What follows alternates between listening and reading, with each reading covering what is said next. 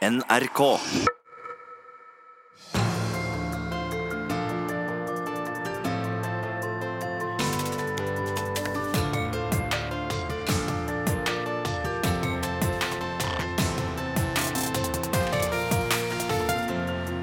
I disse dager kaller en frankofil mangemillionær som før stemte Høyre, Arbeiderpartiet sammen til landsmøte, etter over ett år med opprivende maktkamp og metoo-oppgjør. Hva motiv har Jonas Gahr Støre egentlig for å søke makt? Og hvorfor er maktkampene i politikken så brutale og skitne? Går det mer sømlig for seg i norsk næringsliv og i organisasjonslivet? VG-redaktøren overlevde omtalen av Trond Giske sin politiske dødsdans på en bar i Oslo. Men hva varige men har de fått, de som har blitt utsatt for mediemakt etter den omstridte papirutgåva av Skal vi danse?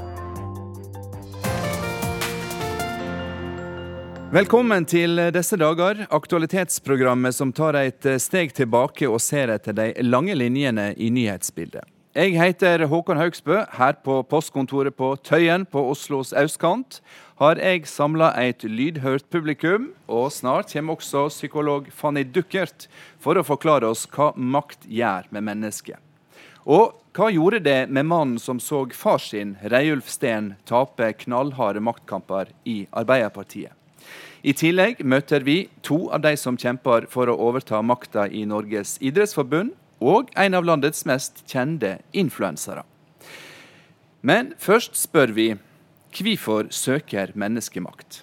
Og mer spesifikt, hva er Jonas Gahr Støre sitt motiv, tru?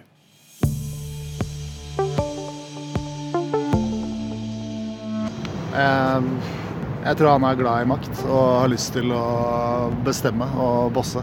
Og kanskje få en jobb eh, nede i Europa etter hvert. Han har vel for lyst til å være med å forandre og gjøre verden litt bedre, da. Jeg håper jo at det er derfor at han eh, er politiker.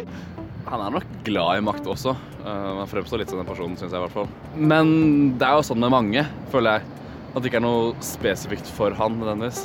Jeg tror han har et behov for makt. Du er, du er en del av et svært eh, politisk game. Han har lyst til å vinne. Alle har lyst til å bli vinne spillet du er med. Syns han har fått ufortjent masse skepsis mot seg. Sikker på at han eh, vil det beste. Ja, velkommen, eh, Jonas Gahr Støre. Hun hadde rett, hun siste der. da. Ja, hadde det? Det ante meg at det Godt kom til å begynne sånn. Støre, hvorfor søker du makt?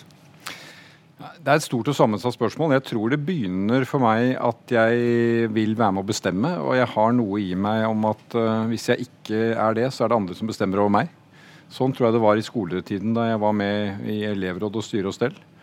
Uh, og det har jeg trivdes med. Og det er jo en blanding av å ja, få min vilje uh, igjennom, og i et demokrati så er jo det å bryne mot andre. være med på det. Eh, og selvfølgelig fordi jeg tror på noen saker som jeg vet jeg kan eh, komme langt med om jeg eh, kommer i den posisjonen som gjør at du kan få gjort noe med det. Så den som sa at Støre har behov for makt her, har rett? Nei, altså det er ikke et fysisk behov som skal til for at jeg Livet mitt går opp. Det er ikke på den måten. Jeg har ikke behov for det. Altså jeg, det, det følger mye strev med den type makt jeg har nå. Eh, Og det jeg er med i konkurranse om. Eh, Så det er jo ikke akkurat et sånt eh, kan du si, behagelig liv. Men det er verdt det. Og jeg mener i demokratiet så har vi såpass mange kontrollposter til at folk som søker makt på en måte som er ubra, dominerer over andre, de blir avslørt og de blir ryddet vekk. Men er makta i seg sjøl et poeng? Det å vite at en har muligheten til å la sin vilje skje, eller eh, ligger det et større prosjekt bak? Det ligger et større prosjekt bak, men, men det ligger jo i det at du søker den posisjonen hvor du faktisk har en avgjørende innflytelse.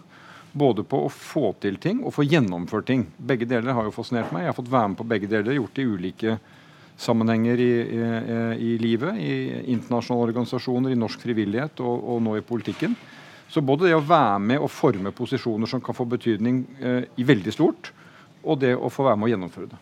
Du har eh, tidligere vært eh, nær rådgiver til eh, Gro Harlem Brundtland, både da hun var statsminister og da hun var på toppen i Verdens helseorganisasjon. Eh, hva er skilnaden på maktmennesket Jonas Gahr Støre da han var veskebærer for Gro, og nå som statsministerkandidat? Samme gutten, da. Samme mannen. Eh, jeg lærte jo veldig mye av å være tett på en som hadde makt eh, og hadde ansvar. Og hvordan kunne vi da som var rundt henne, gjøre henne best mulig. Gi henne best mulig hjelp. Nå har jeg folk som gjør det for meg. Fantastisk flinke medarbeidere.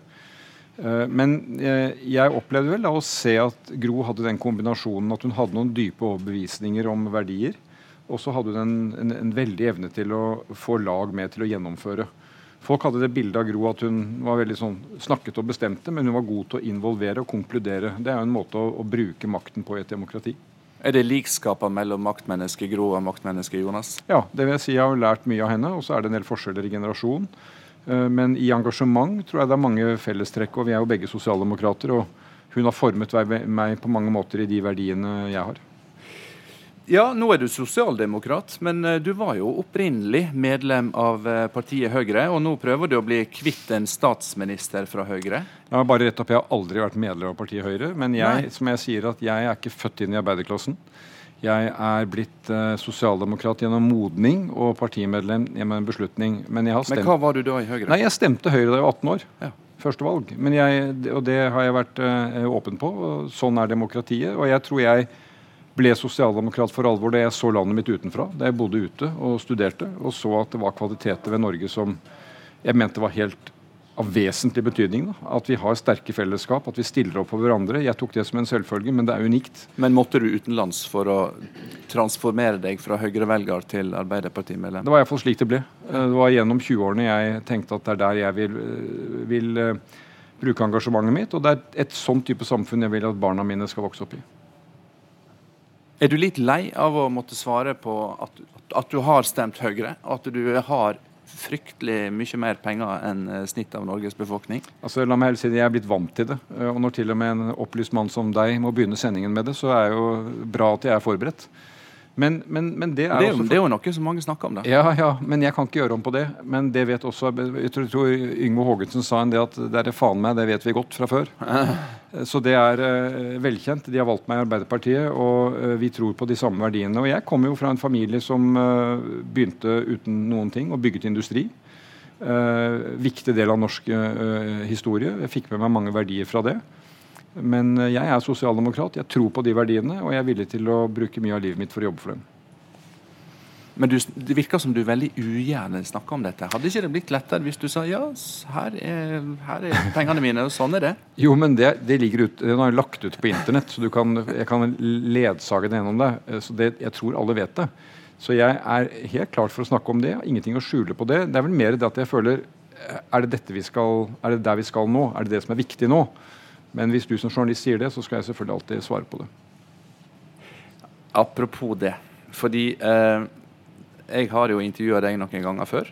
Eh, og det er mange som har spurt meg om hvem syns du, Håkon, det har vært vanskeligst å intervjue? Av alle de du har intervjua. Kan du gjette hva jeg svarer da? Det kan ikke ha vært meg, iallfall. En så jo, åpen person som meg. Jo, fordi jeg sier at Jonas Gahr Støre han, eh, han, har jeg opplevd som en vanskelig mann å møte som journalist. Fordi eh, jeg syns han har en, en, evne til å føle meg litt, litt dum og litt på feil spor. Um, uh, du kan si ting som at uh, jeg aksepterer ikke problemstillingen, dette er ikke en del av min erindring, når du blir konfrontert. Uh, eller det er ikke sånn jeg forholder meg til virkeligheten. For de tre tingene tror jeg du har sagt i møter med meg. Det syns jeg, er jeg er veldig godt sagt, alle de tre tingene. og, og, og, det er bra for dere å høre det fra tid til annen. Men som maktspråk så er dette ganske tydelig, eller? Ja, men altså jeg, jeg, jeg, jeg sier ikke det eh, på møter ute på arbeidsplasser og på studiesteder og uh, i, i, partisammenhenger. Men, men til journalister? Ja, men når jeg utfordres av redaktøren i Brennpunkt på noe som uh, skal konfrontere meg, så sier jeg slik jeg mener det er. Nå er det du som bommer, for jeg var ikke redaktør da, men uh, det er greit. Men, men, det jeg er ute etter, er, er dette litt sånn som du, du er? Evnen til å liksom si at Nei, dette, dette, finner meg ikke i å diskutere på det premisset. Eller er det slik en blir når en får mye makt? Det siste kan jeg egentlig ikke vurdere, men det er nok slik jeg er. Men jeg mener jo at uh, skal en samtale bli god og direkte, så må man kunne ta igjen nå og, og si fra hva, hva jeg mener. Uh, ha meninger om ting. Jeg er i politikken fordi jeg har meninger, meninger om ting. Og jeg møter jo presse og media mange ganger i løpet av dagen i mitt virke, og det har jeg stor respekt for. Jeg, jeg forsøker alltid å stille opp, sier vel nesten aldri nei. Uh, men da skal jeg også stå for det. det jeg har å stå for, og det har jeg egentlig ikke noe å beklage for. for det. I dette programmet Støre, så skal vi eh, søke svar på spørsmålet om maktkampen i politikken er mer skitten og brutal enn i andre deler av samfunnet. Hva er ditt svar på det spørsmålet? Jeg har ikke vært alle deler i samfunnet. Det som skjer i politikken, er iallfall at det er en veldig, erfarer jeg, eh, eh, åpenhet om det. Altså Jeg sier ofte det er som vi går på en sånn catwalk hvor vi blir sett fra begge sider. Eh, og i Norge, Det er bra, det er krevende noen ganger, men det er stort oppmerksomhet fra media og, og offentligheten. Men politikk handler jo også om lidenskap på et vis. Folk som brenner for noe.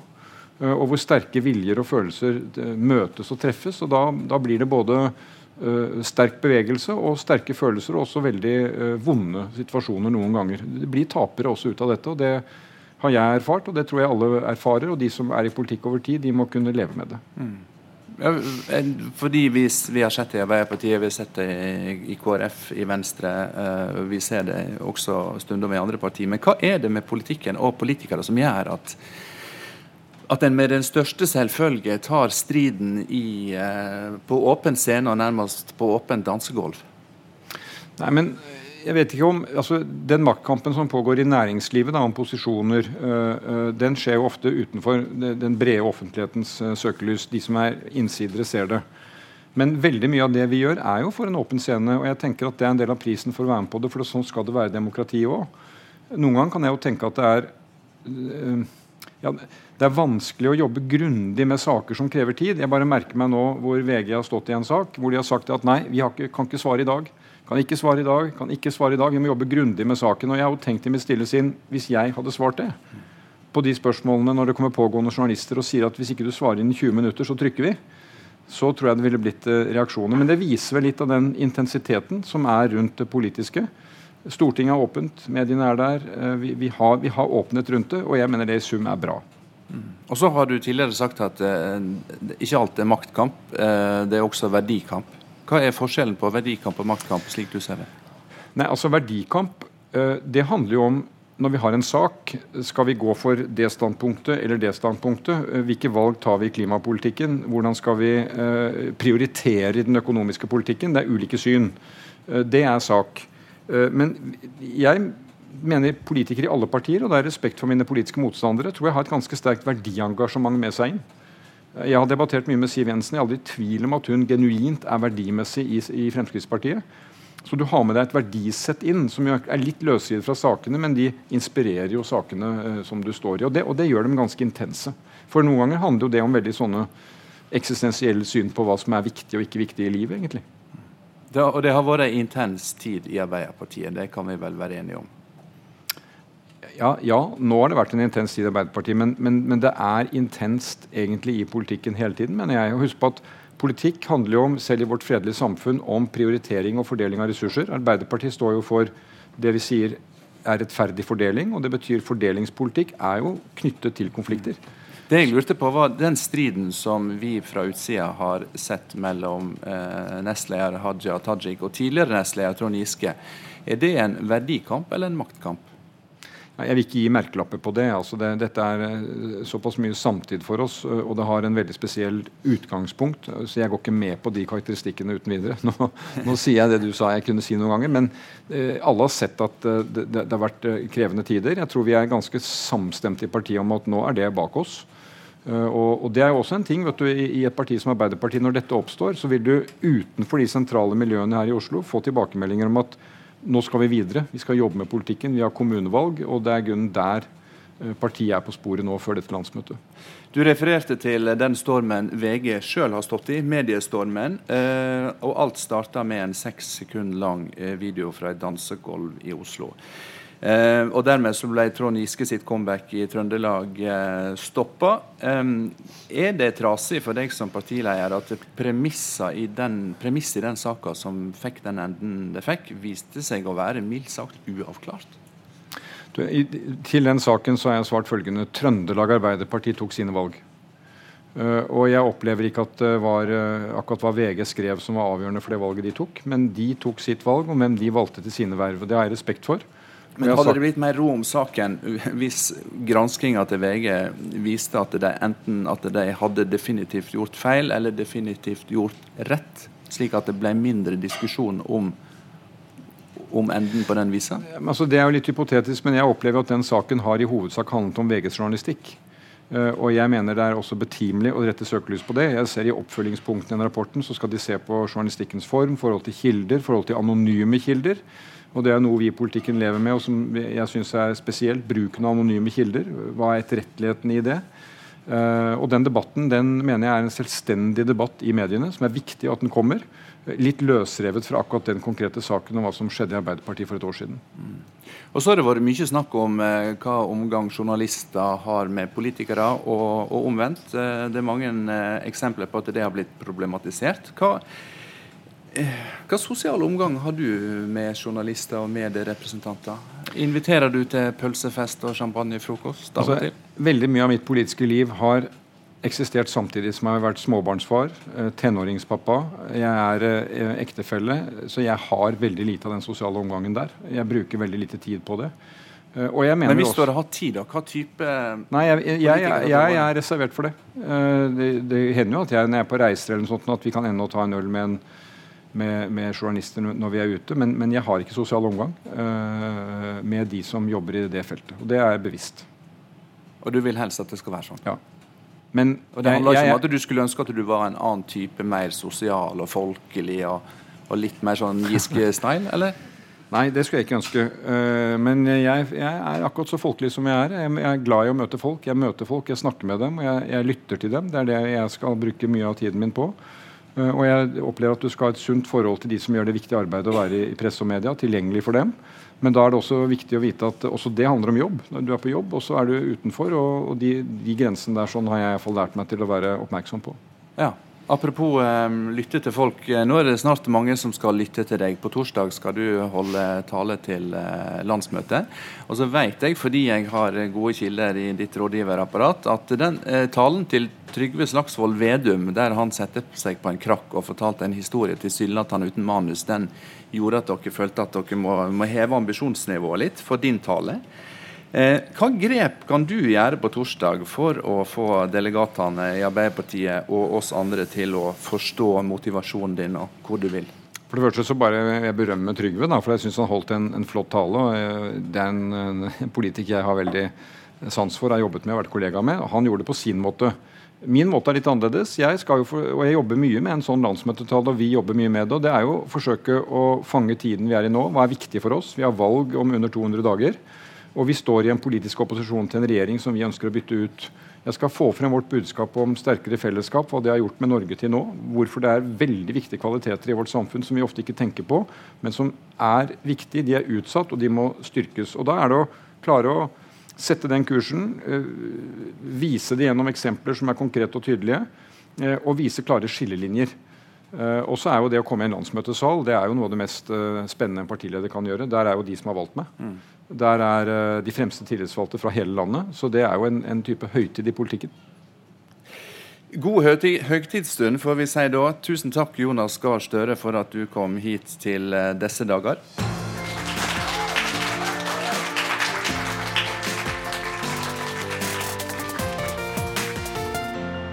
Ja, du hører altså programmet disse dager i NRK P2, og vi snakker om makt og maktkamp. Noen bruker et helt liv på å komme i en posisjon som gir dem makt, og enkelte går langt for å beholde makta si. Velkommen skal du være, Fanny Duckert. Du er psykolog og professor emeritus. Si meg, er det sunt for et menneske å ha mye makt? Altså det kan diskuteres. Men det vi i hvert fall vet, at det er et veldig grunnleggende menneskelig behov å søke makt. Altså, Vi er eh, doble. På den ene siden så skal vi høre til, vi trenger fellesskapet. Men i det øyeblikket vi har det, så kommer dragningen mot å være den som bestemmer over de andre. Og det er enormt mange fordeler med å ha mye makt. Støre sier jo at det, det, handler for han mye om at han vil ha muligheten til å få gjennomslag for sin vilje. Er, er dette noe som går helt tilbake til måte, genetikken og DNA-et i oss? Ja, det gjør det. Og så kan man si at makt i seg selv er jo holdningsløst. Det er en strukturell ting. Og så kan du fylle makten på godt og vondt. Altså Du kan fylle den med jævelskap, og du kan fylle den med fantastiske ideer og tanker og verdier. Men uten makten så er du ikke i stand til å få til noe som helst. Uansett hvor fantastisk du er som person ellers. Hva gjør det egentlig med et menneske å, å ha mye makt? Ja, og det, det, er jo i seg selv ganske mange ting. Altså, Det å være en mektig person gjør jo at andre forholder seg til deg på en veldig annerledes måte. Du blir synlig. Folk tar et skritt til siden. De gir deg plass. De vil ha din tid, din oppmerksomhet. De vil være med å gjøre deg god. Og de vil selv bli husket av deg, så de er veldig opptatt av å gi deg gaver, symbolske eller praktiske. De vil ha din oppmerksomhet, for den i seg selv blir viktig for dem. Eh, du går først i alle køene. Eh, folk slipper deg til. Og særlig når du blir har mye politisk makt eller makt uh, som leder, så vil du jo i veldig stor grad omgis av folk som vil gjøre deg god, og som er opptatt av å skyve unna hindringer, barrierer, få deg til å føle deg strålende ovenpå, for da representerer du jo deres verdier på en helt annen måte. Og da er spørsmålet igjen, hva gjør det da med mennesket som har denne makten? Da risikerer du å komme i en boble. Og her er det jo veldig viktig å skille mellom hvem du er som person, og hva som er rollen din.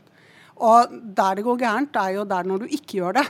Altså at du tror det er jeg personlig som er så fantastisk. Jeg som menneske er så attraktiv. Jeg er så enestående av alle andre.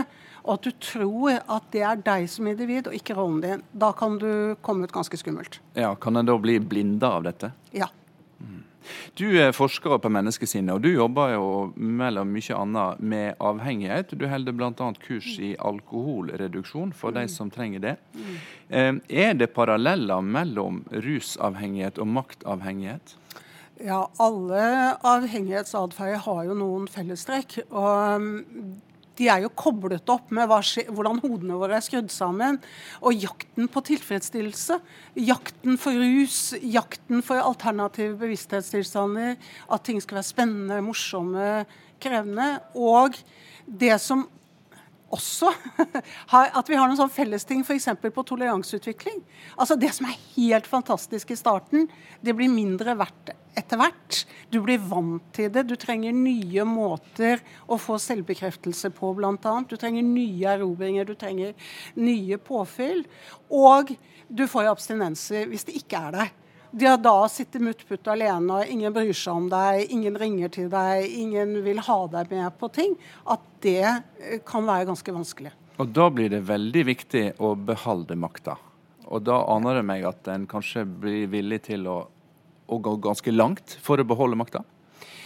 Ja, altså her er det jo igjen ofte noe med at man kan skyve grenser. Eh, man og det er også en del av det med makten, at du kan tillate deg ting som kanskje andre ikke slipper unna med. Og du har liksom korpset ditt som passer på at ikke du merker for mye de negative tingene av hva du gjør, eller eh, handlingene dine, hvordan det påvirker andre.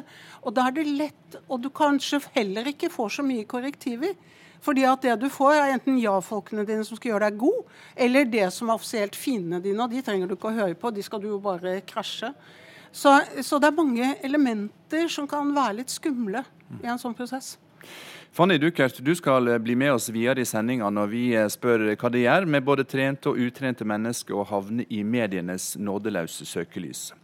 Nå skal vi snakke mer om makt og maktkamp i disse dager. Først skal vi høre hva de med stemmerett synes om det som ser ut til å foregå i politikken.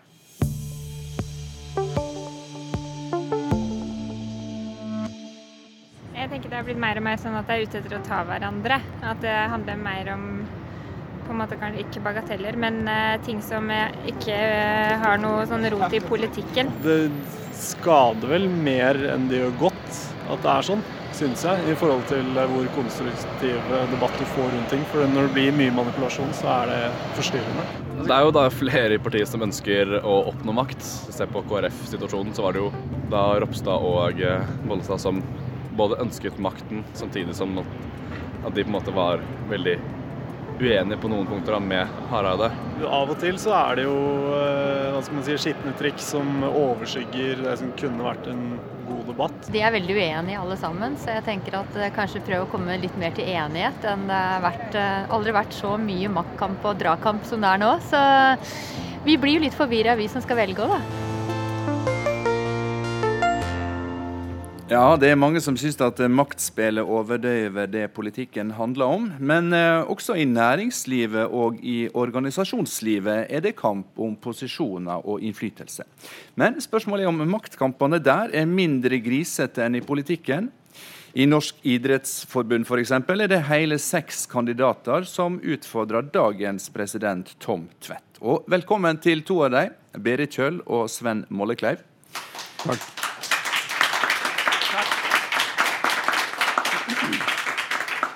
Berit Kjøll, du har jo i næringslivet ei merittliste nesten like lang som selve Flytoget, der du var sjef eh, lenge. Nå er du administrerende direktør i Huawei Norge. Vanskelig å uttale det på kinesisk, men uh, likevel. Hva? Jeg bare korrigerer jeg er direktør. Det er kineserne som ruller der. Det er de som administrerer, og du dirigerer. Ok. Hva tenker du, Berit, uh, som står på utsida av politikken, men solid i næringslivet, om det som foregår av politisk maktkamp? Altså jeg må jo si eh, Som næringslivsleder så er jeg jo noen heller jeg i retningen av å bli eh, ganske overrasket over hvordan de holder på i politikken. Men det er klart, i politikken, til forskjell fra næringslivet, så er, foregår jo alt i det åpne rom og i det offentlige rom. Mens i næringslivet så er jo eh, maktkamper de foregår langt mer i det skjulte. Ja, Hva er årsaken til det? At en har interesse av å skjule det? Nei, Det er vel ikke det at man har interesse av å skjule det, men i næringslivet så har man jo på en måte lagt løp som gjør at det er styre, og det er styret som ansetter administrerende direktør, det er valgkomiteer som velger representanter inn i styret, det er eiere som igjen utpeker representanter inn i valgkomiteene. Det er veldig ordnede former. Og jeg vil tro at det er like ordnede former på papiret i politikken, men der foregår alt i det offentlige rom, så i næringslivet så er det i det lukkede rom rom. Men vi har jo nå nylig det siste, siste året så har vi også vært eh, og sett på sett næringslivet. Eh, næringslivets maktkamper også foregår veldig i det offentlige rom. Og jeg har jo bakgrunn fra Telenor, hvor de aller fleste fulgte den tett på. Og vi har jo andre eksempler. Men det er klart, i næringslivet så vil man jo aller, aller helst unngå makt for mye eh, tid som går til spille til den type ting. For her handler det om en bunnlinje og kroner, og det får jo utrolig konsekvenser hvis man skal bruke veldig mye energi på andre ting enn det man egentlig skal drive med. Mm. Og I enkelte sammenhenger kan jeg tenke meg at en åpen leierstil f.eks. Eh, har direkte innvirkning på børskursen? Helt klart. Det er klart at dette har, eh, får store konsekvenser. Sven Mollekleiv, du har vært mangeårig eh, president i Norges eh, Røde Kors. Er maktkampen i organisasjonslivet, som du representerer nå, mildere i sin form eh, enn i politikken, slik du ser det? Den kan være annerledes. Det som flere i organisasjonslivet er særlig opptatt av, er jo det dette egentlig handler om, nemlig å være tillitsvalgt. Så gitt tillit, valgt av, for nettopp å leve eh, det formålet, de verdiene og de vedtak som medlemmene fatter, eh, for å bli eh, virkelighet. Men har du f.eks. på toppen av Røde Kors andre omsyn å ta eh, når du har det vervet, enn eh, en om du var en politisk leder? Det som i hvert fall er viktig, er å være klar over hva er selve formålet for Røde Kors. Hvem er vi til for? Hvilket mandat har vi fått som voktere av Genévekonvensjonen? På et nøytralt, uavhengig og upartisk grunnlag skal være der for å gi ethvert menneske, uavhengig av hvem de er, retten til beskyttelse, retten til hjelp, og frigjøre krefter til at alle kan få sjansen til å hjelpe. Og Det betyr at da skal man måles på hvor mange som får hjelp med kvalitet, basert på behov. Og det er det man skal svare for eh, i forhold til de man velges av. Og da handler det jo om å ha respekten for frivilligheten. Du vet, Vi lever i verdens mest frivillige samfunn.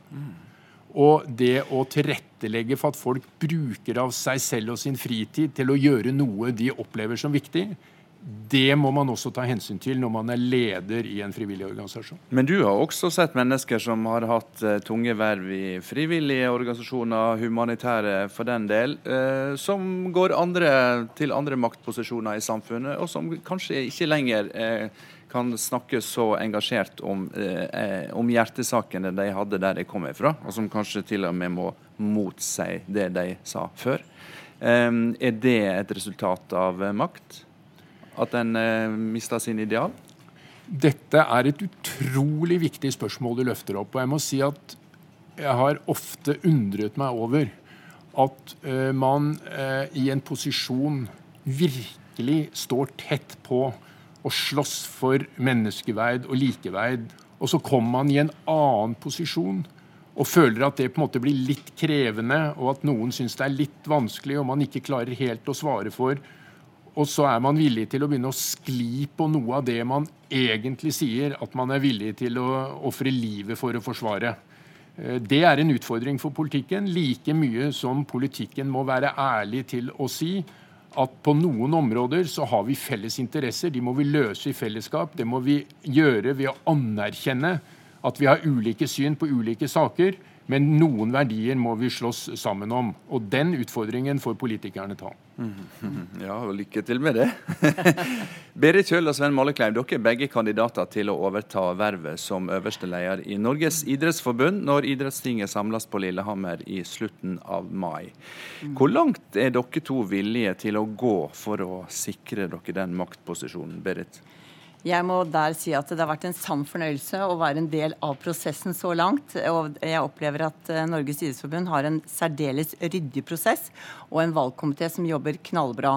Og valgkomiteen lander nå i disse dager sin anbefaling, og da tenker jeg at den anbefalingen som der landes, den har jeg stor respekt for. For valgkomiteen vet jo veldig godt hva idretten trenger.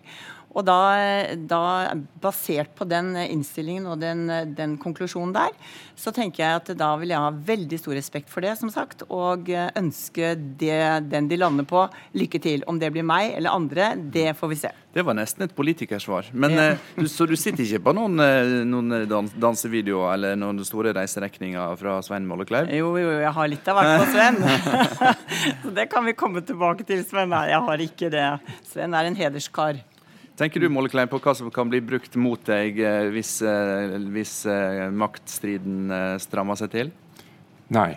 Og jeg er helt enig i alt det Berit sa om prosessen og om ryddigheten. Og vi har vært i noen veldig fine diskusjoner hvor vi har fått sjansen til å løfte opp idrettspolitiske spørsmål. Det har vært respektfullt, det har vært innsiktsfullt. Vi har fått muligheter til å si hva kan vi faktisk gjøre for at idrettsglede for alle kan bli en realitet, og ikke bare eh, flotte ord.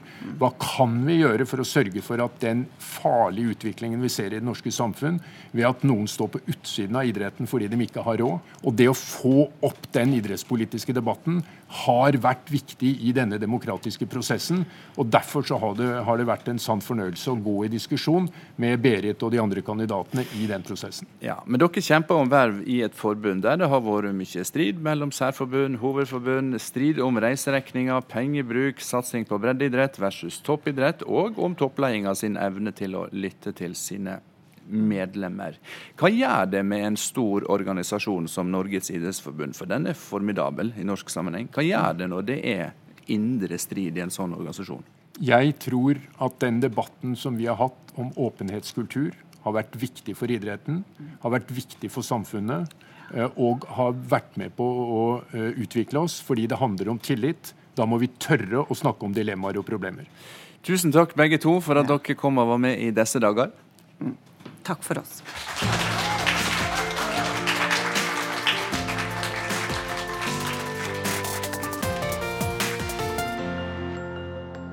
Vi har til nå snakka med folk som har makt, og som søker makt. Nå skal vi eh, snakke med to barn av eh, maktmennesker. De har begge fedre som har vært, og som er, nestledere i store politiske parti. Velkommen til eh, Maria Barstad Sanner og Henrik Steen.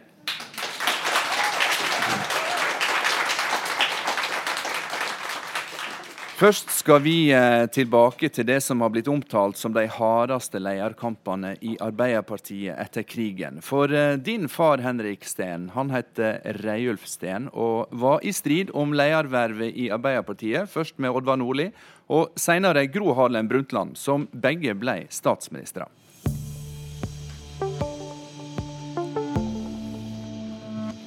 Oddvar Nordli gjorde meg oppmerksom på at han hadde hørt at Eh, jeg hadde sagt ting om ham som var lite hyggelige. Jeg gjorde oppmerksom på at jeg hadde hørt ham si tilsvarende lite hyggelige ting om meg. Til VG i dag eh, sier du at du har hatt et kjølig forhold til eh, den øvrige ledelsen i Arbeiderpartiet.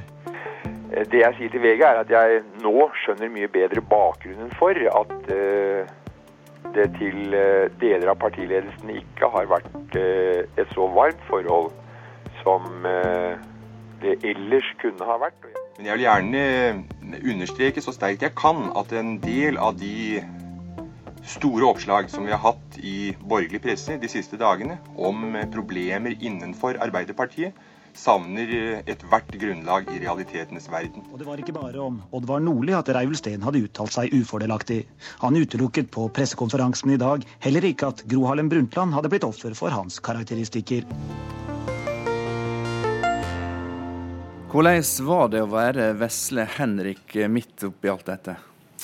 Det var uh, utvilsomt en påkjenning og belastning. Uh, gratulerer forresten med program nummer to av disse dager. Og det er jo litt av noen dager. Og da vil jeg trekke en linje tilbake til Se og Hør sin utgave nummer to noen gang. September 1978 så viet de brorparten av forsida si på å fortelle at min mamma Liss og pappa Reiulf skulle skilles. Uh, da var jeg ti år gammel. Uh, og noe sånt uh, ville ikke den normale presset skrive om før Se og Hør ble skapt. Og dette var i deres utgave nummer to i 1978. Uten sammenlikning for øvrig. Hva gjorde det med deg, Henrik, å ha en pappa som både søkte makt, og som sto i maktkamper som alle fikk ta del i? Det var merkelig. Eh, altså det er klart det påvirket en i oppveksten. Man fikk jo ikke en helt naturlig barndom og oppvekst. Eh, I 1977 så var det stortingsvalg, og jeg var ni år gammel. Og jeg gikk på Rusta skole helt eh, øverst ved Østensjøvannet.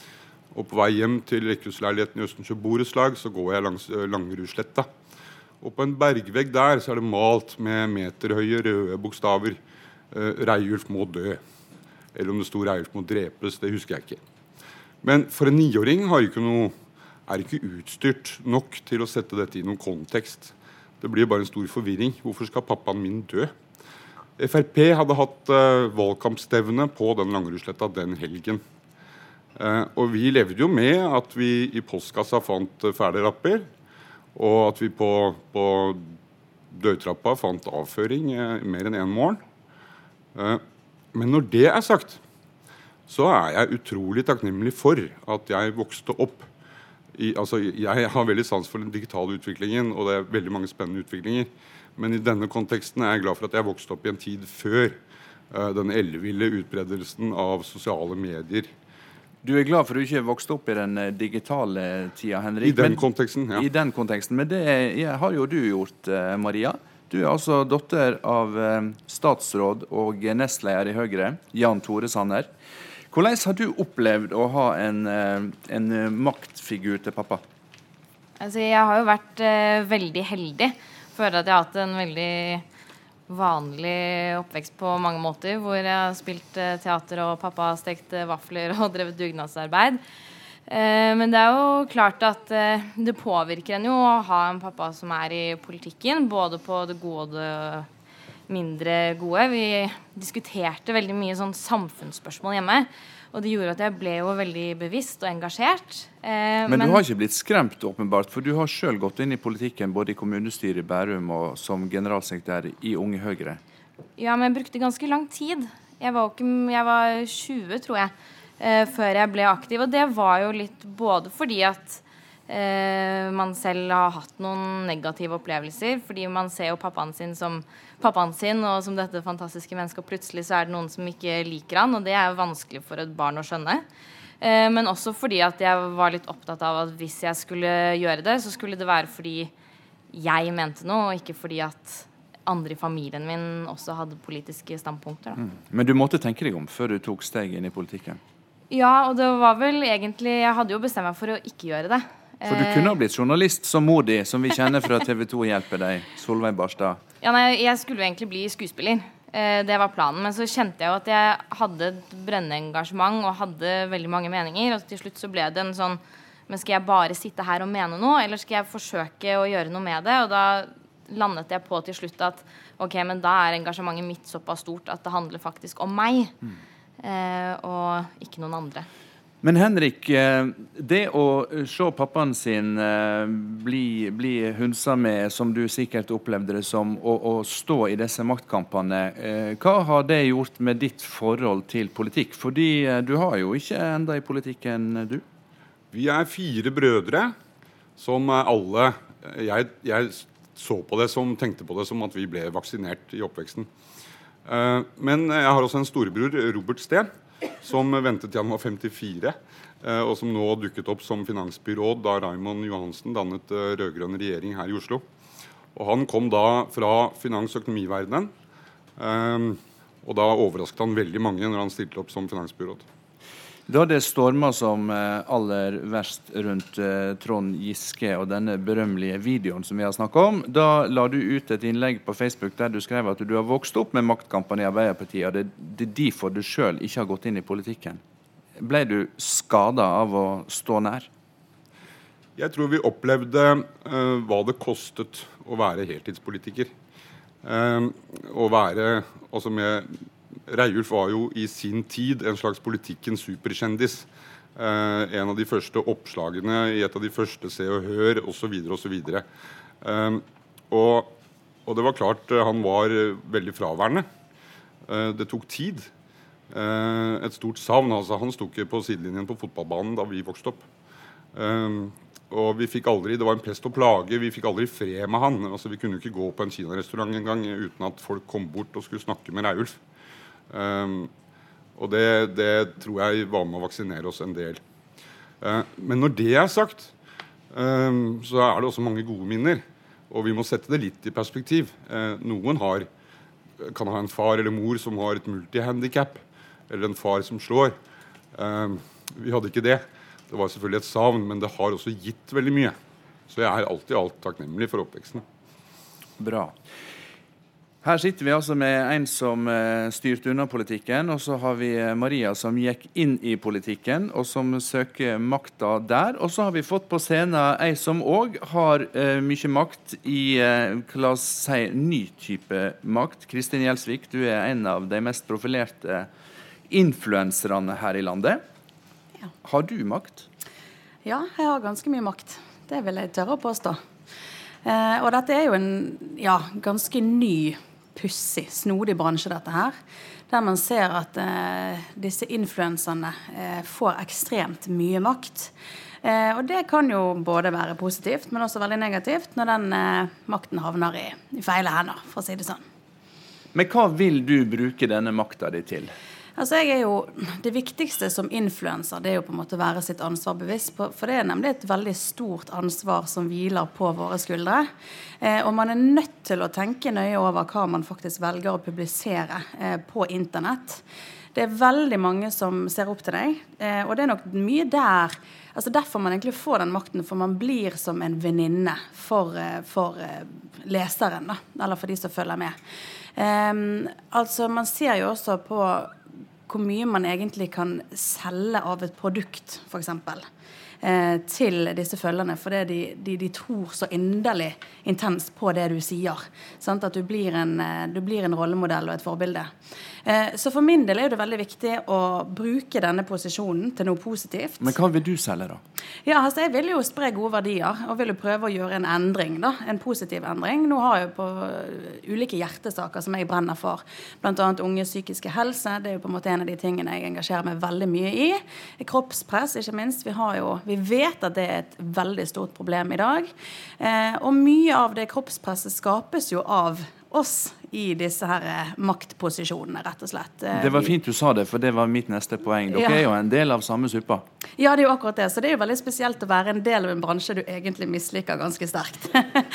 så, så, så, eh, jeg prøver jo på en måte å være en slags motvekt da, til eh, galskapen, for dessverre er det galskapen som får mest oppmerksomhet. Det er det som sjokkerer og provoserer mest. Det er jo på en måte det som er mest klikkvennlig. da. Eh, og med klikk så kommer pengene og posisjonen, maktposisjonen ikke minst. Du blir sett, du blir hørt av mange. Eh, og det er nok eh, ja, et, altså Det ansvaret er ikke alle bevisst, og det er på en måte en for stor makt egentlig for mange. Men hvorfor gikk ikke du eh, Kristin, inn i et politisk parti eller en eh, norsk organisasjon for å påvirke på samme måten? Ja, Det er jo et godt spørsmål. Kanskje jeg skulle gjort det. Nei, det er, det er helt vanvittig, for jeg tror faktisk veldig mange av disse influenserne de når jo ut til mange flere enn en, eh, politikere faktisk gjør i mange, mange tilfeller. Maria, går eh, bloggere og influensere dere ungdomspolitikere i, i næringa? Altså, de har åpenbart enormt mye makt. Eh, og det kan jo være positivt hvis man velger å løfte det på en god måte. Eh, men det er klart at eh, jeg syns det er ganske skremmende å se når jenter ned i tolvårsalderen begynner å tenke at de har behov for silikon når de ikke har fått utviklet puppene sine engang. Eller plutselig så har de fått et kroppskompleks som man ikke visste at man trengte å ha. F.eks. hårfeste, da, hvor man har det. Og det, det syns jeg er veldig skremmende med de som ikke er det ansvaret sitt bevisst. da, Når man har den makten man har. Og Så tenker jeg at det er fint at det ikke bare er politikere eller folk i politikken som har innflytelse. Det ville vært litt skremmende, det òg. Nei, for Kristin her, eh, nå skal ikke jeg begynne å måle dere opp mot hverandre, men hun har jo betydelig makt over veldig mange mennesker. Eh, hva finnes det av fellestrekk i måla dine, Kristin, om å ha makt for å endre, og måla dine, Maria, for å søke makt for å endre? La meg høre. Hva, hvor er trefningspunktene mellom dere? Ja, altså For min del så handler det jo eh, altså Det er jo bare viktig at, at um, mitt publikum som kommer inn på, i mine kanaler, eh, de kan føle seg trygge på at her er det, her er det en, en, en, ja, hva skal jeg si, altså en trygg og god sone å være i. Eh, at, de, at, jeg har påvirka mitt publikum positivt i form av å spre som sagt gode verdier, eller bidra til altså, bedre miljø, da, for den saks skyld. Sant? At man også er litt bevisst på det man, man eh, publiserer. Eh, jeg mener Vi har et enormt ansvar. Bruk og kast-samfunnet. da, altså La oss ta klimaspørsmålet, da, f.eks. Eh, enten så kan jeg bruke min posisjon til å eh, legge ut masse nye klær jeg har kjøpt på nelly.com og tjene masse penger på affiliate links. Eller så kan jeg si at skal vi kanskje oppfordre til, til å handle brukt, eller ta mer vare på klærne våre. Eh, så det er jo på en måte en sånn man må være litt bevisst, for jeg skjønner at disse pengene her, det er veldig veldig deilig å vite at du kan tjene 100 000 kroner sant, på, på, disse affiliate-linksene. Men der har vi òg et ansvar, både for de som leser, men også faktisk for planeten vår. Mm. Eh, så, så, nei, det viktigste for meg er bare å, å være så bevisst min rolle og prøve å påvirke mitt publikum i en positiv retning, rett og slett. Henrik vokste opp i en politisk verkstad. Du har blitt journalist og ikke politiker. Hva tenker du når du nå sitter ansikt til ansikt med den nye mediemakta? Ja, jeg vil også si som et veldig viktig apropos til, eh, til mye det er snakket om i dette programmet tidligere i dag. Eh, vi må ikke glemme at de politikerne vi ser på TV og i avisene og hører på radio, de er en bitte liten del av den privilegerte eliten. De aller, aller, aller, aller fleste politikerne i dette landet er fritidspolitikere, hverdagspolitikere som sitter rundt i små utvalg, bydelsutvalg, kommunestyrer og de bruker all sin fritid på å få til en sikrere skolevei, en bussholdeplass der, eh, et, et nytt avfallsanlegg osv. Og, så videre, og, og de gjør ikke dette fordi det gir noe maktberuselse, tror jeg. De gjør det fordi de opplever en glede og tilfredsstillelse i den mestringen. Men er det greit at makta nå flytter seg ut i, i blogger og influensersfæren? Nei. Nei. Og det høres ikke ut som det er noe reell makt annet enn forbrukermakt. Maria, skulle du helst sett at eh, flere engasjerte seg i politikken og mindre på, eh, på internettet? Eh, jeg vil jo veldig gjerne at flere skal ta og melde seg inn i et parti og kanskje spesielt bli aktiv i ungdomspolitikken. Jeg tror det er veldig sunt. Jeg tror noe av det som vi har til felles, er jo at man ønsker å gjøre samfunnet bedre av en eller annen grunn. Og at vi i hvert fall for oss som driver med ungdomspolitikk, ønsker å skape trygge ungdommer som Eh, ser at det er mulig å endre verden til det bedre, og som også gjør de trygge nok til å kunne stå opp og si hva de mener. Eh, og så tror jeg nok at det er umulig å hindre at folk leser blogger på nett, men eh, må, det er veldig fint å melde seg inn og engasjere seg for det man tror på. Tusen takk skal dere ha, alle tre. Maria Barstad Sanner, Henrik Steen og Kristin Gjelsvik.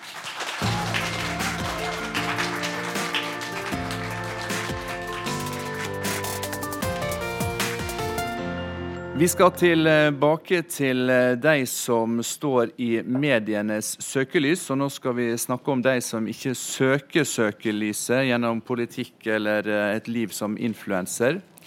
Du er tilbake på scenen, Fanny Duckert. Eh, etter det som ble omtalt som ei medieskandale av dimensjoner og krav om VG-redaktøren sin avgang, så enda det med business nesten as usual i Akersgata. Men sjølkritikk fra VG-ledelsen på at kjelda i saka Sofie var for dårlig tatt vare på. Du har eh, skrevet ei bok som heter 'I medienes søkelys', der du har intervjua 43 mennesker om deres erfaringer med media. Hva er det de forteller dere? Ja, Det som jo er litt interessant, er jo at jeg kjenner jo igjen mange av de elementene som våre informanter var opptatt av. Uh, I forhold til hva er det som er verst? Hva er det som skader, sårer mest? Og Det som gikk igjen, var bl.a. dette følelsen av at journalistene hadde gjort seg opp en mening i forkant. Og at uh, det eneste de var interessert i, var å få bekreftet den virkelighetsopplevelsen som de hadde.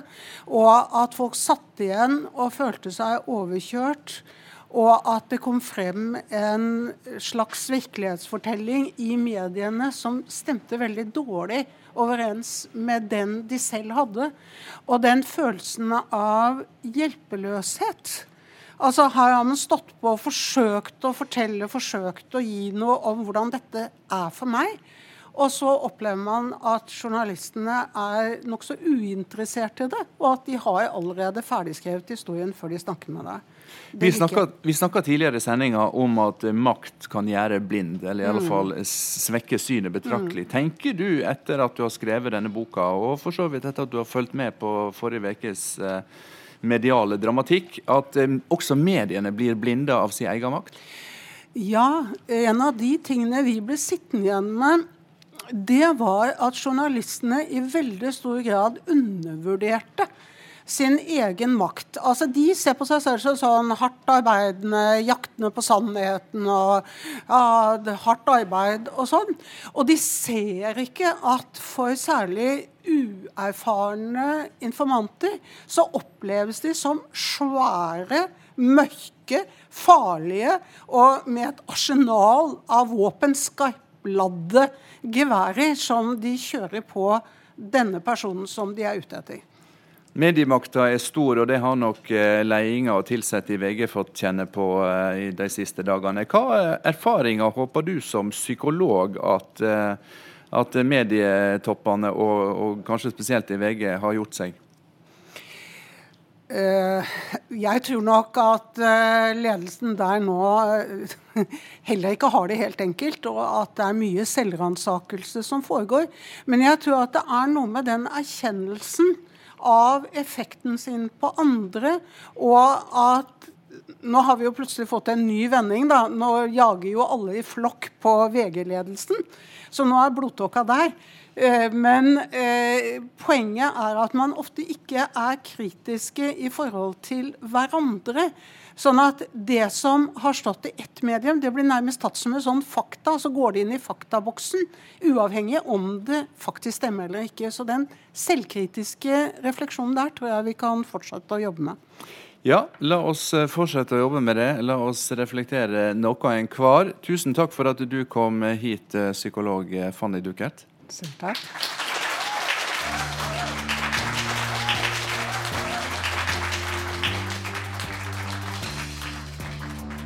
Takk til publikum her på postkontoret på Tøyen, og takk til deg som hørte på for timen sammen. Hvis du har innspill eller tilbakemeldinger til oss, blir vi glade for en e-post til disse dager krøllalfa nrk.no.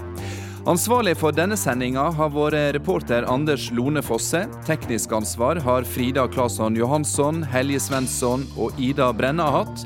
Produsent var Ragnhild Vartdal, og jeg, programleder Håkon Haugsbø. På gjenhør.